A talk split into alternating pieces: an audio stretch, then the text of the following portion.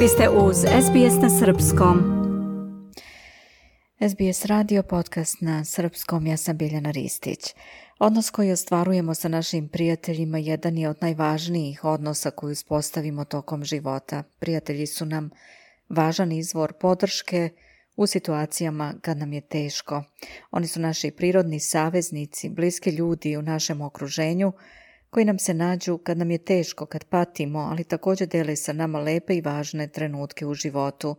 Danas je Are You OK Day i to je lep povod da svim dragim ljudima i našim kolegama damo do znanja da mislimo na njih u ovim teškim vremenima kroz koja svi prolazimo, da ih upitamo kako su i da li možemo da im pomognemo.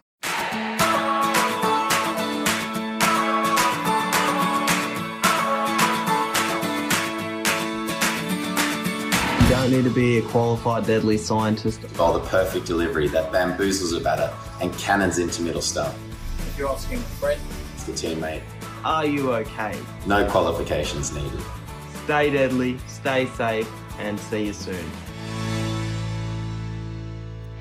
Are You OK Day je označen kao nacionalni dan akcije tokom kojeg se ukazuje na važnost da ostanemo u vezi sa prijateljima familijom i kolegama kroz dobro i zlo, radost i tugu. Razgovori o mentalnom zdravlju ne treba da se vode samo kad je neko vidno pod stresom ili prolazi kroz krizu, već svaki dan u svakoj prilici.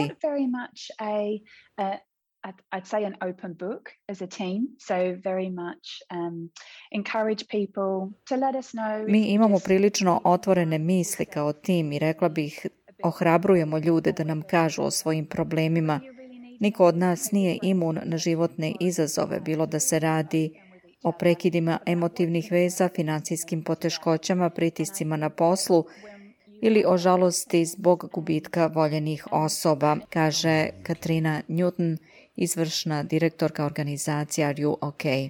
Nekad neće biti očito da neko prolazi kroz duboku psihičku krizu, ali znamo da ako na vrijeme postavimo iskreno pitanje, možemo pomoći ljudima koji možda ne mogu da vide da je pomoć na domak pre nego što uđu u dublju krizu.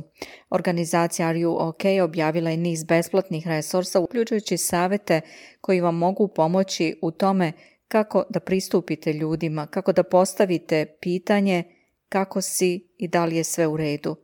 I tako započnete važan razgovor.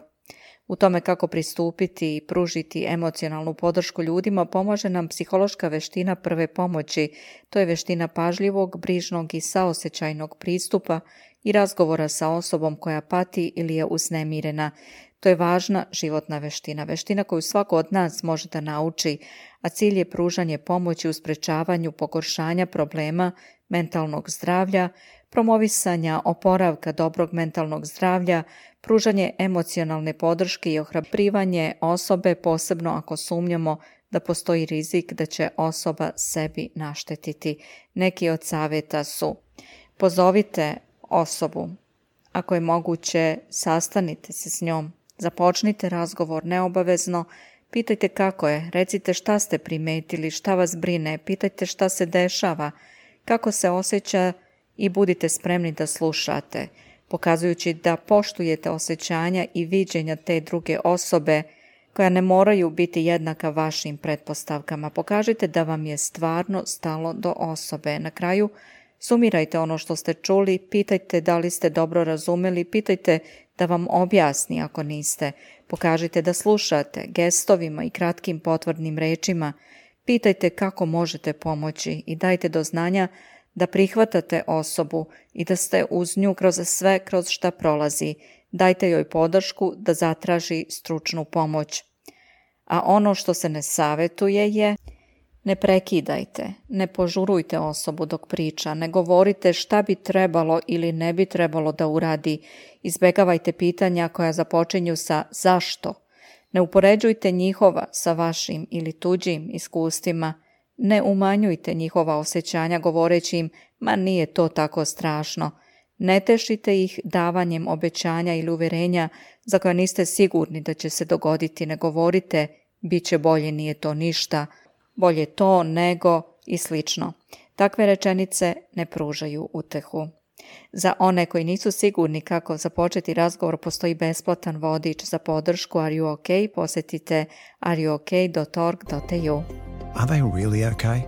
Ask them today. Learn how to ask at ruok.org.au because a conversation could change your life.